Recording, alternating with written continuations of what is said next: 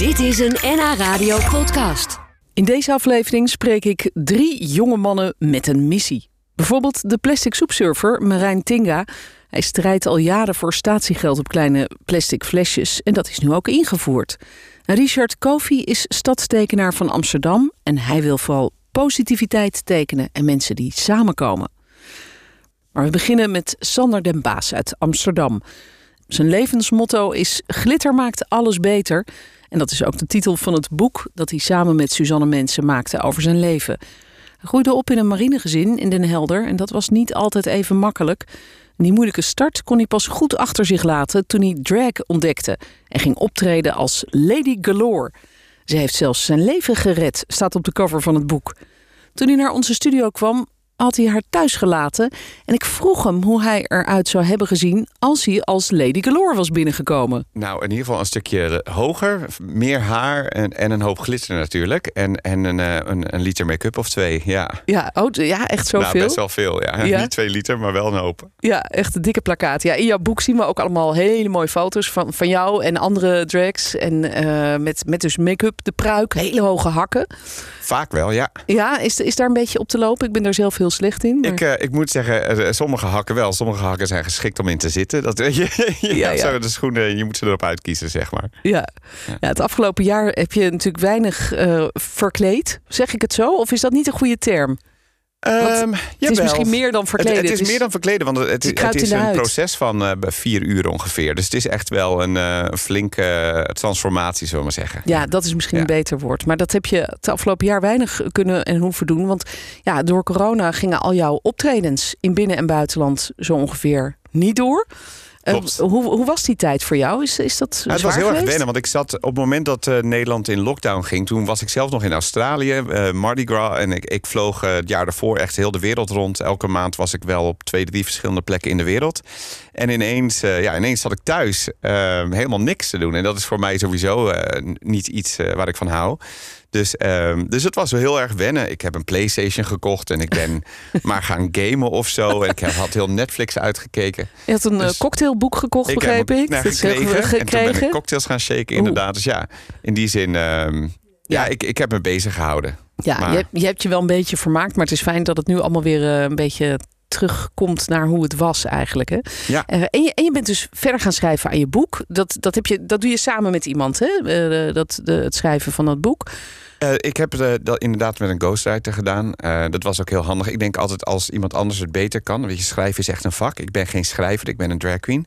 En ik wilde dat dit boek wel werd geschreven zoals ik het ook zou vertellen. En dus ja, wilde ik heel graag met een ghostwriter werken. Ja, en het, het is even goed een heel persoonlijk boek geworden. Het ja. gaat echt over, over jouw leven, over ja, hoe jij over de dingen denkt, hoe je naar de wereld kijkt.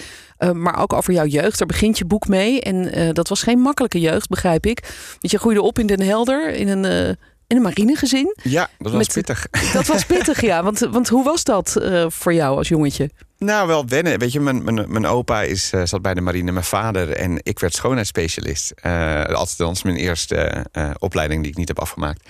Um, dus dat was zeker wel wennen, denk ik. En um, ik heb heel erg mijn eigen plek moeten vinden, zeg maar. Ja, en ja. was je als kind ook al bezig met dat je uh, vrouwenkleren of make-up wilde uitproberen? Of, of was dat Nee, maar het is ook helemaal nooit. niet? Uh, drag is voor mij ook geen uh, behoefte vanuit mezelf. Het is, het is voor mij werk. Het is een, een hobby.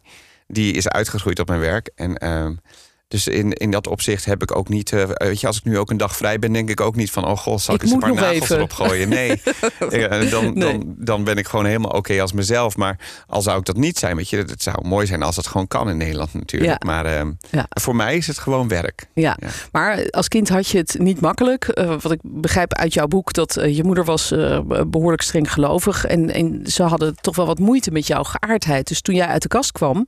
Ja, ja, toen werd ik op straat gezet. Ja. ja. ja. En, en hoe oud was je toen? Toen was ik 15. Ja. Maar serieus op straat gezet. En wat Ja. doe je dan als 15-jarige? Nou, ik, ik, was, ik ben heel kort dakloos geweest. Maar echt niet, eh, echt maar een week of zo, denk ik. Eh, toen werd ik al redelijk snel eh, opgevangen door ouders van, van vrienden van school, zeg maar. die het dan zielig vonden. Dus daar sliep ik dan. En op een gegeven moment vond ik een, een kamertje in onderhuur in Amstelveen op Uilenstede. Dat is zo'n studentending. En daar heb ik een aantal jaar van kamer naar kamer gehopt. En op een gegeven moment, ja, een, een, begeleid woonproject gedaan. En zo ben ik doorgerold naar mijn eerste legale woning, zeg maar. Ja, dus dat heeft even geduurd. Nou. Was dat een moeilijke tijd voor je? Want... Ja, ik wist natuurlijk helemaal niks. Ik wist niet hoe ik een rekening moest betalen. Dus dat deed ik ook niet. Nou, dan kom je vrij snel achter dat dat niet uh, de manier is.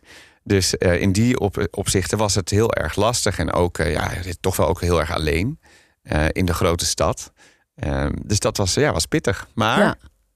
glitter maakt alles beter. Ja, zo is het. Want, want, dat is natuurlijk het volgende. De volgende stap is hoe kwam jij dan vervolgens in, in aanraking met drags en met uh, het leven van glitter en, en pruiken en hoge hakken? Ja, maar dat is natuurlijk. Ja, ik ging dan uit in, in de gay clubs en de, de kroegen en daar waren drag queens. En uh, voor mij was het, ik heb het altijd fascinerend gevonden.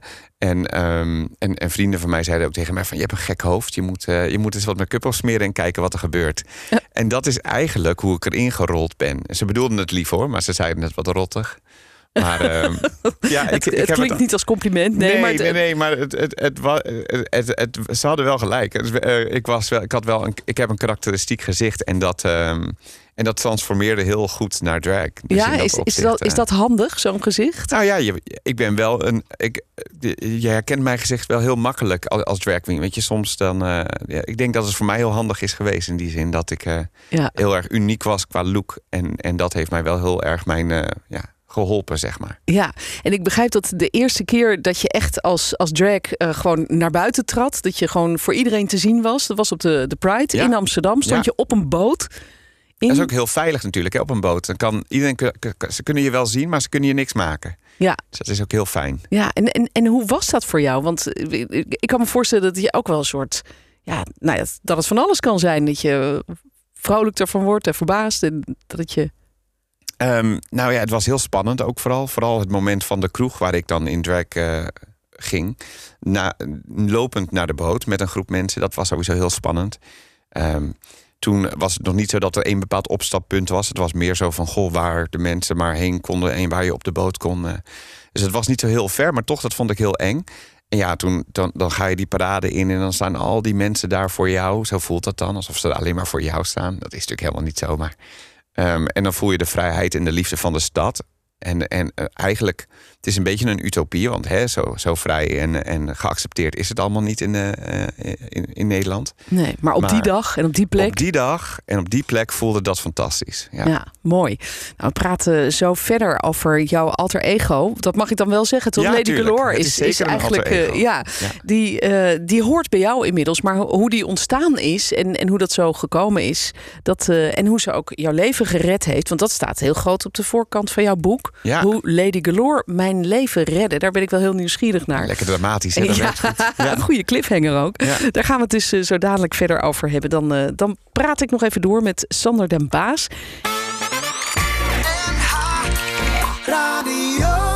Alias Lady Galore. Hij schreef samen met Suzanne Mensen een boek over zijn leven als drag queen, getiteld Glitter maakt alles beter. Hoe Lady Galore mijn leven redde, dat staat ook op die, uh, op die omslag. Daar ben ik wel heel benieuwd naar. Uh, maar laten we even beginnen bij hoe, hoe is jouw alter ego eigenlijk ontstaan, die Lady Galore?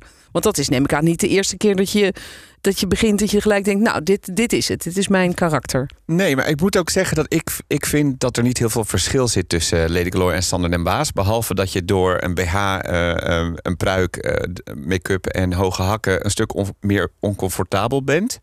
Dus, uh, dus mijn diva-gehalte gaat wat omhoog. Maar voor de rest zijn we redelijk hetzelfde, denk ik. Ja, ja dus ja. het is niet echt iets heel anders. Maar de... Voor mij niet, maar wel qua uiterlijk natuurlijk. En daar reageren mensen ook heel anders op.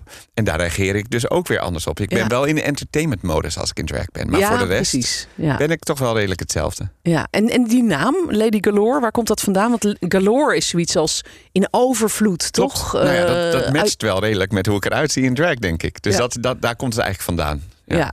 En in welk opzicht heeft Lady Galore jouw leven gered? Ja, dat klinkt lekker dramatisch. Hè? Dat vond de uitgeverij ja. ook. Um, het, het, is ook echt wel zo. Ik had nooit echt een doel in mijn leven en ik wist niet precies wat ik wilde. Ik heb verschillende opleidingen gestart en niet afgemaakt. En um, ik uh, raakte eigenlijk ook best wel depressief. En het ging allemaal helemaal niet goed. En toen kwam drag in mijn leven. En ik had eindelijk iets gevonden dat bij mij paste. En waarvan ik dacht, wauw, dit is het eerste waar ik echt heel goed in ben. En eh, alles viel op zijn plek, zeg maar. En uh, kijk, depressies zijn altijd nog wel uh, is een paar keer teruggekomen. Maar dan bleef ik altijd heel druk bezig met drag.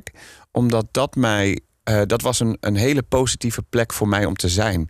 En op die manier, door me daar maar aan vast te houden, heb ik me door die depressies heen getrokken. Ja, ja. Aan, aan de leuke dingen. Dus zo op, en wij zeggen ook altijd: glitter maakt alles beter. Dat is een, dat is een term uit de drag uh, community een beetje. Want als je met je make-up bezig bent en er zit ergens een vlekje of een dingetje, dan zeggen wij altijd van: oh, doe er maar wat glitter op, want dat maakt het beter. Ja, ja. je poetst uh, het weg letterlijk. Dus het is, het is een ja. ja. metafoor, maar ook echt iets uit de, de drag community, zeg maar. Ja, en was het voor jou nog lastig om dit boek ook te schrijven? Want je vertelde net al dat jouw familie eigenlijk heel veel moeite had met je geaardheid. En, en dan vinden ze drag misschien helemaal iets wat, wat, wat ingewikkeld is of wat ze niet ja, kunnen accepteren. Ik moet het wel specificeren, want niet, niet mijn hele familie vond dat uh, lastig. Maar in mijn, gezin, uh, in mijn gezin was dat wel. En zeker mijn moeder, vooral mijn vader was eigenlijk best oké. Okay.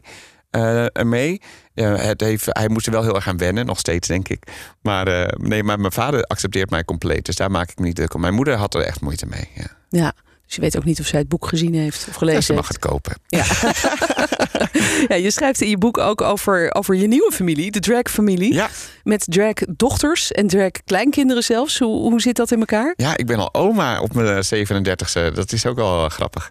Ja, nee, ik, zo werkt dat in feite. Je, je komt in een, in een, je wordt drag queen en dan zijn er drag queens die van jou willen leren of die en dan word je gezien als de dragmoeder. En als die dan weer dragmoeder worden, dan word je automatisch dus ook drag-oma. Het is niet zo vast dat het allemaal vastgelegd Nee, zijn. Maar voor nee. de grap hebben we het wel in een stamboom gezet in het boek. Ja. Gewoon dat het een mooi overzicht geeft van hoe mijn gezin er dan, of mijn dragfamilie er dan als het ware uitziet. Ja. En het is nu ook gewoon dat ik het heel tof vind om te zeggen dat is mijn dragdochter. Want ik ben ook allemaal heel trots op de mensen die van mij geleerd hebben. Ja. En, uh, en wat zij nu neerzetten, zeg Ja, maar. ja, precies. Je schrijft ook in het boek heel veel uh, praktische dingen, uh, tips, tricks, uh, maar ook bijvoorbeeld voor mensen die misschien niet zo heel erg in die scene zitten en, en die niet precies weten hoe dat nou allemaal zit. Wat bijvoorbeeld het verschil is tussen travestie Mm -hmm. en drag. Ja. Want ik denk dat voor veel mensen het misschien allemaal één grote hetzelfde vroeger was, is. het, was het ook hetzelfde. Vroeger had je de term drag queen nog niet. En, en je had natuurlijk ook de travestie show van Robert en Brink vroeger. En, uh, maar uh, eigenlijk gaat het om de reden waarom je het doet. Waar, je hebt crossdressing, dat is eh, meestal eigenlijk alleen maar seksueel. Dan heb je travestie, dat zijn voornamelijk uh, hetero mannen, maar ook wel eens gay mannen, die het prettig, prettig uh, vinden om uh, vrouwenkleren te dragen. En dan meestal gewoon de vrouwenkleren die je kan vinden in de winkel. Ja, dus niet per se met, met heel extravagante nee, en, jurken en of ook, pruiken, maar meer omdat ze het prettig vinden. Mm. En drag gaat echt om een show geven en, en, en het doen voor de creativiteit. En um, het heeft dan niks te maken met een bepaalde behoefte nee, nee. uh, vanuit jezelf. Dus dat zei je in het begin ook al inderdaad. Het is, het is niet zozeer seksueel of, of nee. om... Uh, en, en, en, zie je het ook als een pad waar het is een kunstvorm eigenlijk. kan worden. Het is zeker een kunstvorm. Drag ja. is een kunstvorm. Ja. Uh, maar, maar het is niet... Ik, zeg dit, ik leg dit nu uit, maar het kan zijn dat er iemand luistert die zegt... voor mij is dat anders en dat is ook oké. Okay. Weet ja, je, het is precies. niet zo heel Je wil erg. juist niet het allemaal in hokjes persen, dat is duidelijk. Nee, maar en wel we... uitleg geven. Ja, precies. En, en waarom vind je dat belangrijk? Waarom wilde je dit boek ook schrijven? Is het ook een, misschien een beetje het boek dat jij zelf graag had gelezen... toen jij zelf 14 was of 15 en, en zoekende? Nou, ik, ik, ik wilde inderdaad iets meegeven aan mensen. Um, ik wilde dat ze, dat ze ook konden leren. Hè, waar staat nou LHBTQIAPN voor?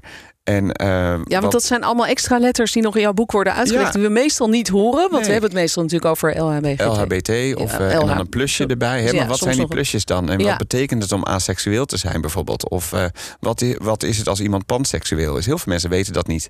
Dus dat wilde ik gewoon uitleggen. En ook waarom voor mij bijvoorbeeld de regenboogvlag zo belangrijk is. Ja. Eh, en waar die vandaan komt en wat de geschiedenis is. En wat is panseksueel eigenlijk? Die ken ik ook nog niet. Panseksueel is iemand die niet verliefd wordt op een bepaalde seks. Dus je wordt verliefd op een persoon en niet op, op, de, op het geslacht. Ja, mooi. Nou, allemaal dit soort dingen lezen wij terug in jouw boek. Wat ook een heel mooi persoonlijk boek is geworden over, uh, over jouw leven. Glitter maakt alles beter, zo heet het. En het is geschreven door Sander den Baas, alias Lady Galore.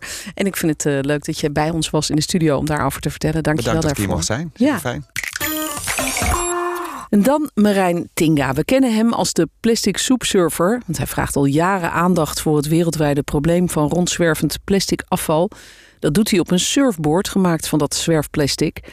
Over zijn inspanningen voor een schonere wereld schreef hij het boek Plastic Soepsurfer: Hoe één persoon het verschil kan maken.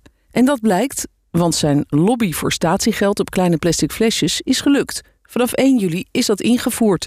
Dat moet hem toch blij maken. Ja, zeker. Dat is uh, geweldig. We waren natuurlijk al heel lang mee bezig. En we wisten natuurlijk vorig jaar dat het uh, definitief er zou komen. Maar het is natuurlijk hartstikke mooi om dat dan gewoon in de praktijk te zien. Ja, en mag je ook zeggen uh, dat jij daar voor een deel verantwoordelijk voor bent? Nou, ik heb wel een, zeker een rol gespeeld, vooral in de, in de politiek. Ja. Ja. En ook, ook daarbuiten natuurlijk gewoon druk, druk uitoefenen. Ja, dus daar mag je toch wel een beetje trots op zijn, denk ik. Ja, dit is, uh, dit is een game changer. Dit, is wel, dit verandert wel echt uh, een hoop als het gaat om zwerfafval op straat ook. Ja, ik begrijp dat je het gevierd hebt bij een frisdrankproducent. nou, kijk, ik ben in die, in die reis eigenlijk, deze reis in politiek en ook bij bedrijfsleven, die begon echt al uh, meer dan vijf jaar geleden. En een van de partijen die ik daarin tegenkwam of veel mee heb samengewerkt, mag ik wel zeggen, is Coca-Cola. en daar ben ik dus ook nog langs geweest. Ja, daar had ik ooit een. Eh, het begon niet zo uh, lief hoor. Ik ben daar begonnen met een gerechtsdeurwaarder naar de directeur uh, te sturen. Oh, dus in eerste instantie waren ze niet zo blij uh, met me. Maar goed, op een gegeven moment, alle partijen ja, hierin hadden allerlei verschillende belangen. Ja. Um, en ze ja. zagen toch wel in dat al dat plastic in de natuur, dat dat sowieso Precies. geen goed idee is. Dus dat het wel handig is om daar een keer wat aan te gaan doen. Um, het is wel leuk, in jouw boek beschrijf je hoe dat avontuur bij jou begonnen is. Je, je, had eigenlijk gewoon een. je bent kunstenaar, maar ook bioloog en je werkte in een psychiatrisch ziekenhuis als activiteitenbegeleider. Dus je had er gewoon een goede baan, een vrij regelmatig leven. En, en eh, hoe is dat dan opeens veranderd in dat je een, een, een plastic soepsurfer werd? Nou, dit is echt al een tijdje geleden, zo'n zeven jaar geleden. En ik was heel veel aan het, uh, vooral aan het uh, surfen. En ik had dus een bijbaan in de psychiatrie. Ja, gewoon aan het surfen op zee, ja, golfsurfen, zeg maar. Ja, golfsurfen, ja, golf, ja. kitesurfen. Ik was veel aan het kitesurfen. En dat is het moment dat je dat uh, plastic aan ziet spoelen. En dit was in de, de periode dat er steeds meer aandacht kwam voor dat afval. Ook met Boyan Slat natuurlijk, met de Ocean Cleanup. Soort, hè, dat, die periode, periode was dat. En, en ik zag dat plastic aanspoelen op het strand. Um, ja, dus als jij daar met je surfplankje naar de zee liep, dan liep je eigenlijk veel te ergeren aan wat er allemaal rond uh, zwierf daar. Ja, precies. En ik dacht, ik wil een, ik wil een statement maken. Toen heb ik een surfboard gebouwd van, van plastic afval wat ik op het strand had gevonden.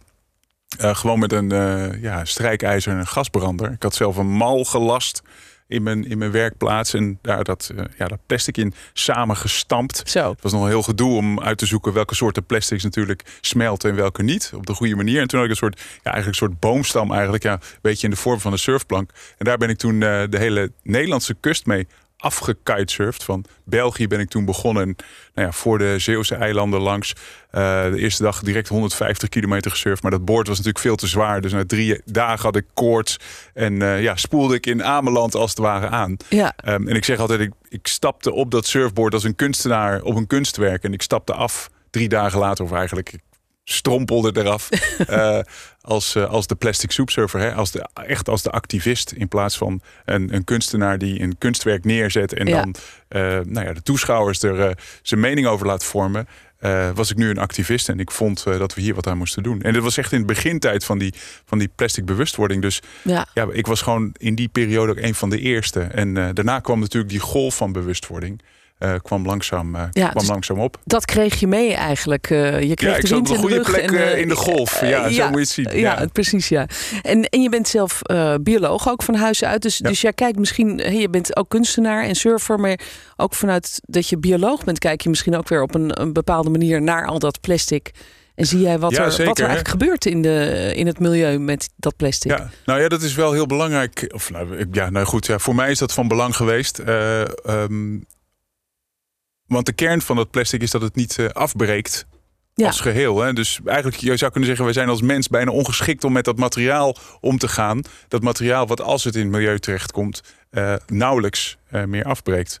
Um, en dat wordt opgenomen in de voedselketen. Dat brokkelt af in steeds kleinere stukjes. En uiteindelijk wordt dat opgenomen in de voedselketen met alle effecten um, die, die het heeft daar. Maar ook, we weten natuurlijk ook al van onszelf dat dat uh, microplastic, die hele kleine stukjes plastic, nanoplastics, uh, door ons bloed stromen. Of dat als we inademen, we ook vaak uh, plastics inademen. Al was dat zeven jaar geleden nog bijna niet nee, bekend. Nee, nee ik, ik las in jouw boek dat er jaarlijks 8 miljard kilo plastic in de oceaan terechtkomt. Dus ja, dat is vrij oud onderzoek. Dat, is... dat uit 2014 is dat onderzoek. Dat is eigenlijk het taal wat nu altijd uh, gebruikt wordt. Uh, maar heel recent onderzoek laat weer zien dat het meeste eigenlijk uh, juist op de oevers van de rivieren aanspoelt. Dus dat het mogelijk wat minder is. Maar desondanks maar is er natuurlijk, natuurlijk, nog ten eerste enorm veel. En alles wat er in het milieu terechtkomt, ja. gaat daar bijna niet meer weg. Ja, en, dat, is, dat, is, dat is de kern van het probleem. Ja, precies. Want je zou kunnen denken, op een gegeven moment uh, zit eigenlijk in alles wat wij eten, wat er in ons, om ons heen is, zitten die kleine plastic deeltjes. Ja. Hoe schadelijk is dat? Nou, op, dat moment, op dit moment weten we dat dus nog uh, onvoldoende. Maar er is wel voldoende uh, onderzoek dat, of suggestie dat het druk uitoefent op, onze, op ons immuunsysteem. Hè? Dus dat, we, dat ons immuunsysteem daar minder van gaat werken. Eigenlijk zoals fijnstof dat ook doet uh, voor je longen. Ja, ja. dus ook als je, als je naar fijnstof kijkt, uh, wereldwijd gaan er ook miljoenen mensen aan dood. Ja. Um, niet direct, maar uh, als een van de um, ja, uh, medefactoren. Ja, het is een soort uh, sluipmoordenaar misschien. Zeker. Ja, maar wat we nog niet eens helemaal precies weten, wat het nee, dan allemaal doet. Nee, dat onderzoek is volop ja. gaande. Kunnen ze al wel laten zien hoeveel van die microplastic deeltjes er in ons zitten? Weten ja, hoor, ze zeker. Nee, zeker. Dat, die, die technologie die gaat, steeds, gaat steeds beter. Dus allerlei innovatie op dit punt gaande, waardoor ze op steeds, steeds beter kunnen zien hoeveel uh, plastics er door je, door je bloed bijvoorbeeld zweven. En ze hebben dat bijvoorbeeld al ook al aangetoond in de foetus of uh, in, de, in de placenta. Hebben ze dat al kunnen aantonen. Ja. Maar nou ja, nogmaals, we weten nog niet wat uh, de precieze effecten daarvan zijn. Nee. Maar dat het niet goed is, dat, dat, is wel duidelijk. duidelijk. dat we er geen voordeel bij hebben, dat is, dat is wel duidelijk. Dat mogen zeker. duidelijk zijn. En daarom ben je actie gaan, gaan ondernemen. Je hebt een heel boek geschreven over wat je eigenlijk allemaal gedaan hebt die afgelopen zeven jaar. Daar zullen we zo verder over praten. Um, en de ondertitel is Hoe één persoon verschil kan maken. Had je dat eigenlijk gedacht toen je begon? Nee, nee absoluut niet. Nee, het is. Uh, het is echt een enorme, enorme reis uh, geweest. Dus ik vertelde zo net al over hoe ik zo'n bord had gebouwd van plastic, uh, plastic afval. En dat was eigenlijk het begin van uh, dat ik begreep dat, dat als je zelf deel bent van het kunstwerk eigenlijk, dat je dan gezicht wordt ergens van woordvoerder. Dat je dan veel meer impact hebt dan, dan als je alleen maar een kunstwerk ergens neerzet ja, om ja. het verhaal te vertellen. Maar de echte omslag kwam eigenlijk uh, toen ik, ik was vijf maanden aan het zeilen rond uh, Scandinavië, elke dag aan het opruimen. Uh, en in Nederland hadden we toen over het afschaffen van statiegeld. Terwijl ik daar op de kust Nederlandse flesjes zag, zag aanspoelen. En in Zweden, Denemarken, Noorwegen is statiegeld de normaalste zaak van de wereld. Dus ik was aan het opruimen en ondertussen zie ik Nederlandse flesjes aanspoelen. Oh, wat irritant. dus ja. ik dacht, ja, dit, dit, dit kan niet. Um, uh, en het jaar dat ik terugkwam, ben ik direct begonnen met een nieuw surfboard uh, te bouwen van plastic flesjes. Daar ben ik toen van Scheveningen naar Engeland op gekitesurfd. Uh, en dat was de startschot van een petitie. Dus die, die, die, ja, die recordpoging naar Engeland, was, dat was de startschot van een petitie. En daar ja. heb ik toen 55.000 handtekeningen mee opgehaald en mee naar de Tweede Kamer gegaan. En niet alleen had ik die handtekeningen mee, ik had ook een, zelf een motie geschreven. Weliswaar met hulp hè, van anderen. Ik had een motie geschreven, zelf geschreven. Met dezelfde tekst ook constateren. De Tweede Kamer, de Kamer ja, constaterende dat. dat Precies. En daar stond dan: uh, ik wil 90% minder plastic zwerfflesjes binnen drie jaar. 90% minder. Het woord statiegeld stond er niet in, maar 90% minder is maar op één manier te bereiken natuurlijk met statiegeld. Ja. En alle Kamerleden die ondertekenden dat. Um, ook een ja, heel bijzonder moment voor jou dat, had ik, dat, dat al had ik niet verwacht dat iedereen dat zou tekenen. Maar twee dagen later werd dat ook nog eens overgenomen door de, door de Tweede Kamer. Hè. Dus dat was helemaal uh, ja. ja. bijzonder. Ja, dat was uh, ook echt een, een, een, belangrijke mijlpaal in jouw hele Dat was, dat was de politieke eigenlijk. doorbraak. Precies. Dat was echt de politieke doorbraak. Want die discussie stond toen al 15 jaar vast. En dit was de eerste keer dat er een soort ja, breekijzer eigenlijk tussen gezet wordt, werd. Ja. En dat werd daarna gebruikt door nou ja, de, alle voorstanders natuurlijk. Uh, om dat door te zetten. En uiteindelijk dus ook de staatssecretaris. Die heeft dat weer gebruikt voor haar voor haar beleid. Ja, ja, heel goed. En intussen, behalve in de politiek, was jij dus ook bezig met uh, jouw expedities. Uh, je bent onder andere met uh, Floortje Dessing gaan, gaan suppen. of was het suppen of was het Ja, dat was, surfen? was afgelopen, afgelopen jaar inderdaad, september. Toen ben ja. ik met haar een stukje wezen suppen. Ja, ja en met de zwerfinator. Dirk Groot uit ja. Purmerend, die kennen wij ook wel. Die hebben we wel eens vaker aan de lijn. Die uh, natuurlijk zich ook al heel lang inzet voor de strijd tegen het plastic. Wat, wat hebben jullie samen gedaan? Nou, Dirk die ken ik echt al vanaf het moment dat ik dus in de Tweede Kamer uh, stond. Dat was het eerste, daar was Dirk ook naartoe. Dus de eerste keer dat ik met hem uh, kennis maakte. Um, en die strijdt natuurlijk ook al heel lang voor statiegeld. en het knappe van Dirk is natuurlijk dat hij die data verzamelt, dat zwerfafvaldata. En dat, die gebruiken wij dan weer om nieuwe campagnes mee te ontwikkelen. Dus ik werk echt heel veel samen met, uh, met Dirk. Ja. Uh, en een van de dingen die we bijvoorbeeld gedaan hebben is uh, eerst, hij kwam naar mij toe, hij had 16.000 foto's van Antaflu, Antaflu wikkels. Oh, ja. en daarmee, en ben, ik was bezig met die gerechtsdeurwaarders. Ja, en dat hebben we gecombineerd. Dus echt 1 plus 1 is 3. En daarmee zijn we naar, naar die naar de hoofd, hoofdkantoor van Perfasco gegaan. Sorry, van Antaflu. En dat is Perfasco. Ja. Uh, en die hebben toen beloofd dat ze die plastic wikkels, dat ze daar uh, waspapieren wikkels van zouden maken. En op dezelfde manier ook weer met foto's nemen, hebben we ervoor gezorgd, bijvoorbeeld dat Albert Heijn en uh, Hema uh, alle knetterballen, een bepaald soort vuurwerk met, met heel veel plastic uit de schappen haalden in, in 2019 nog voor oud en nieuw. Um, en hebben en jullie hele... bereiken echt ongelooflijk veel, hè? Sorry? Jullie bereiken echt heel veel, heel Ja. praktische dingen. Ja, ik denk dat dat. ja, ja, ik, maar dat is focus. Hè? Dat is denk ik eh, focus en ook toch. ehm, ja, dat je verder gaat dan alleen bij bewustwording. Hè? Toen ik begon, ging het over bewustwording. En mensen kloppen je Mhm. op de schouder en zeggen: hartstikke goed dat je dit doet. Hartstikke goed. En ze gaan weer over tot de orde van de dag.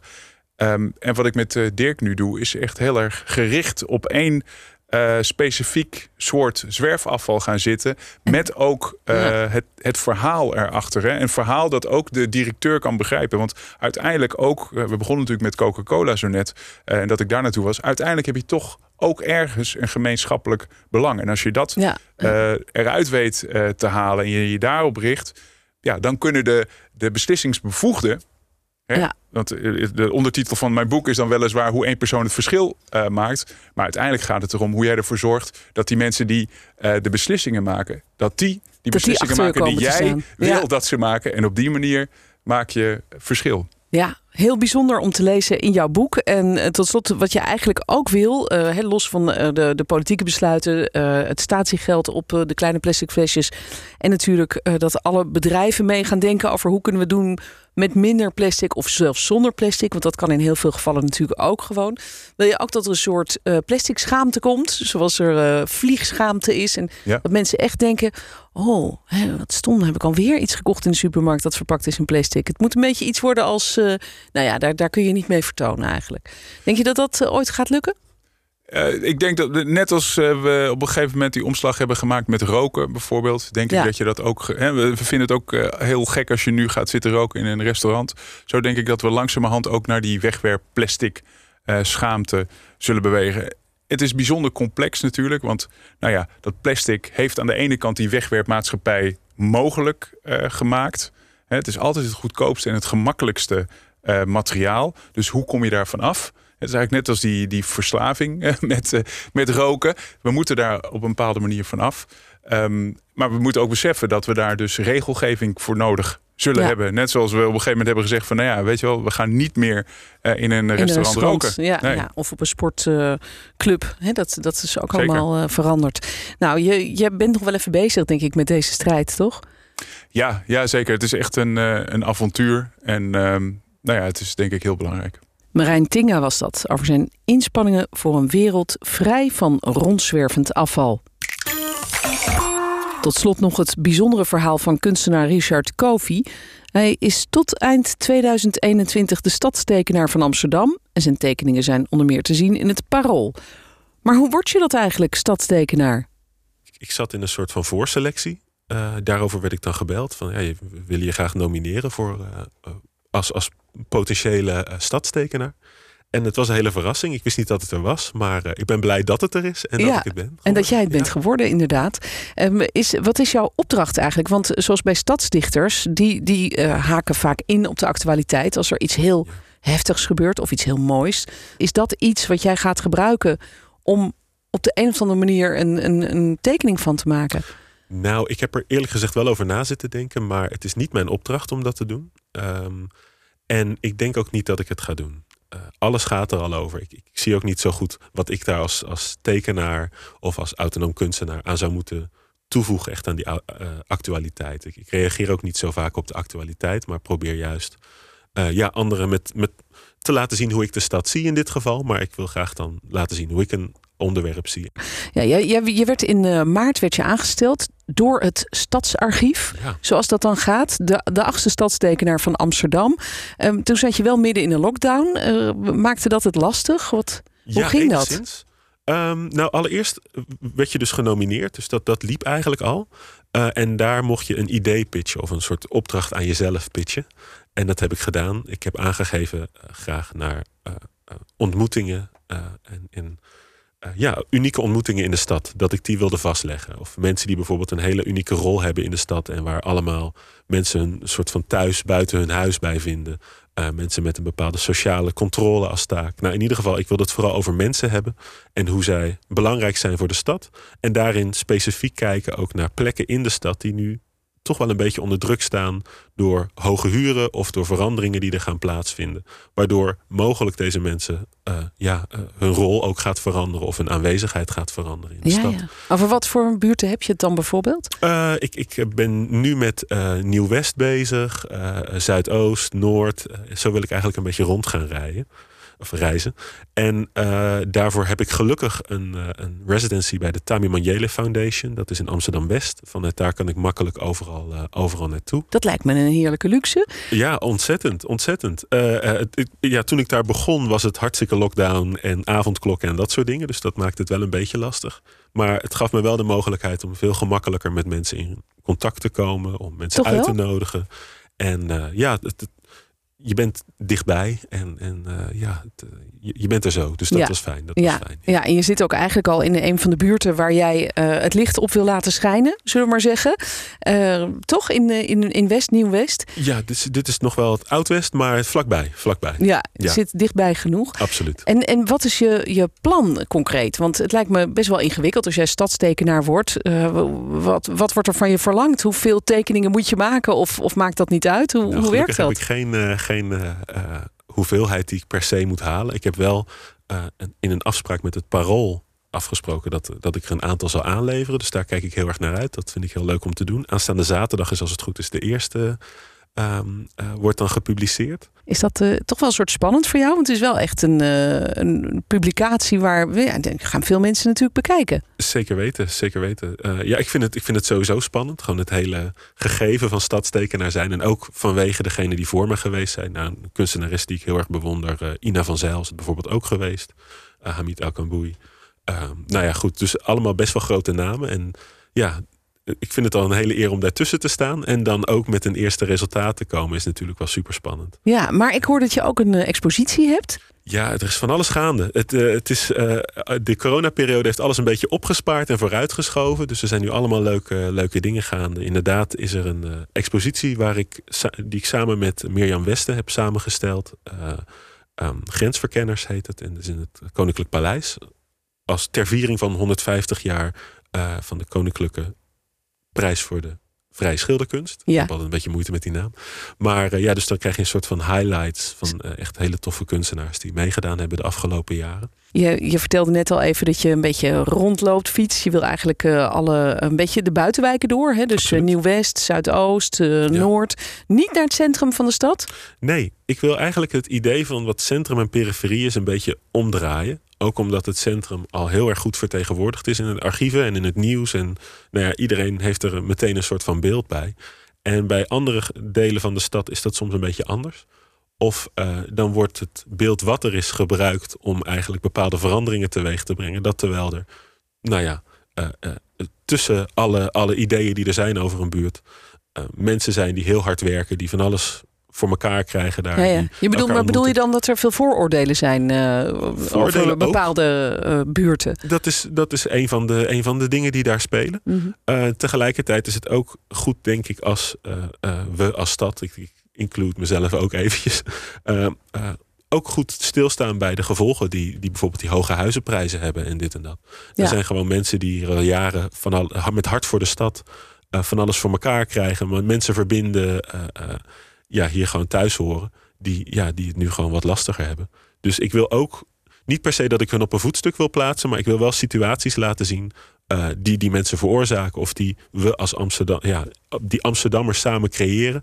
En uh, uh, ja, ontmoetingen die Amsterdammers samen creëren. En dat goed laten zien van hey, ja, dit ja. is een stand van zaken van de stad op dit moment. Ja. maar nu urgent om te laten zien. Want hoe lang ben je eigenlijk stadstekenaar? Tot wanneer? ik ben het in principe dit hele kalenderjaar. Maar ik waarschijnlijk kan ik januari ook nog een klein beetje meepikken. Dat hangt ook een beetje aan het, uh, het eindresultaat. Want het, uh, er komt een soort eindexpositie van. Okay. En die hoop ik graag in de publieke ruimte te doen. Dus hopelijk kan wat ik daar maak nog lekker lang tot in 2022, 2023 ja. stiekem blijven hangen. Dat ja. zou heel fijn zijn. Dat zou mooi zijn. Misschien wel in het paleis, wie weet. Dat uh, zou leuk zijn. Oké, okay, leuk dat je hier was. De stadstekenaar van Amsterdam hoorde je. Richard Kofi. Dat was het. Bedankt voor het luisteren en graag weer tot de volgende keer. Dit was een NH Radio podcast. Voor meer, ga naar nhradio.nl. NH Radio